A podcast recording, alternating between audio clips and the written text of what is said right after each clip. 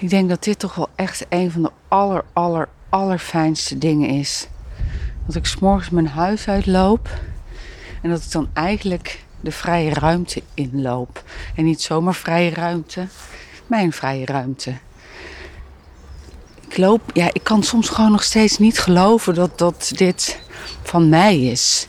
Ja, en wat is er dan van mij? Ik bedoel, de aarde, de grond waarop ik loop, er is niks van mij. Dat is gewoon van de aarde. En ik mag daar ja, op lopen, gebruik van maken, ja, in delen. Ik, eh, oh jeetje, oh goede genade.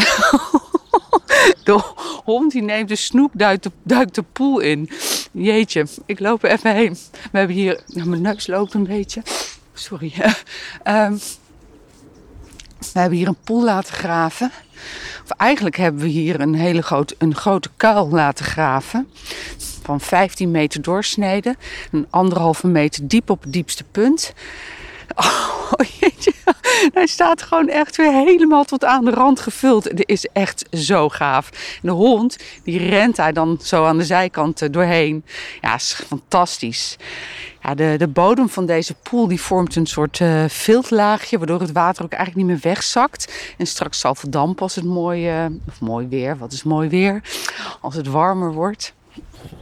Um, maar voor nu is het een, uh, ja, eigenlijk gewoon nog een grote bak met modder waar water in zit. En waar dus af en toe de hond doorheen rent. Ik ga hem eens roepen. Bruin, kom eens. Kom maar. Kom dan. Kijk of hij er doorheen wil rennen. Dat is leuk. Kom maar. Kom eens kijken. Ja, doe maar. Komt hij.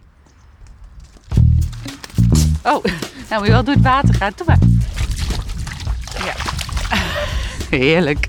Nou, we gaan weer naar binnen. En dan uh, betekent dat eerst eens even modderpootjes uh, afvegen. Ik kan mijn schoenen uittrekken. Maar die heeft bruin niet aan. Dus even met een handdoek flink tussen de tenen borstelen en droog maken.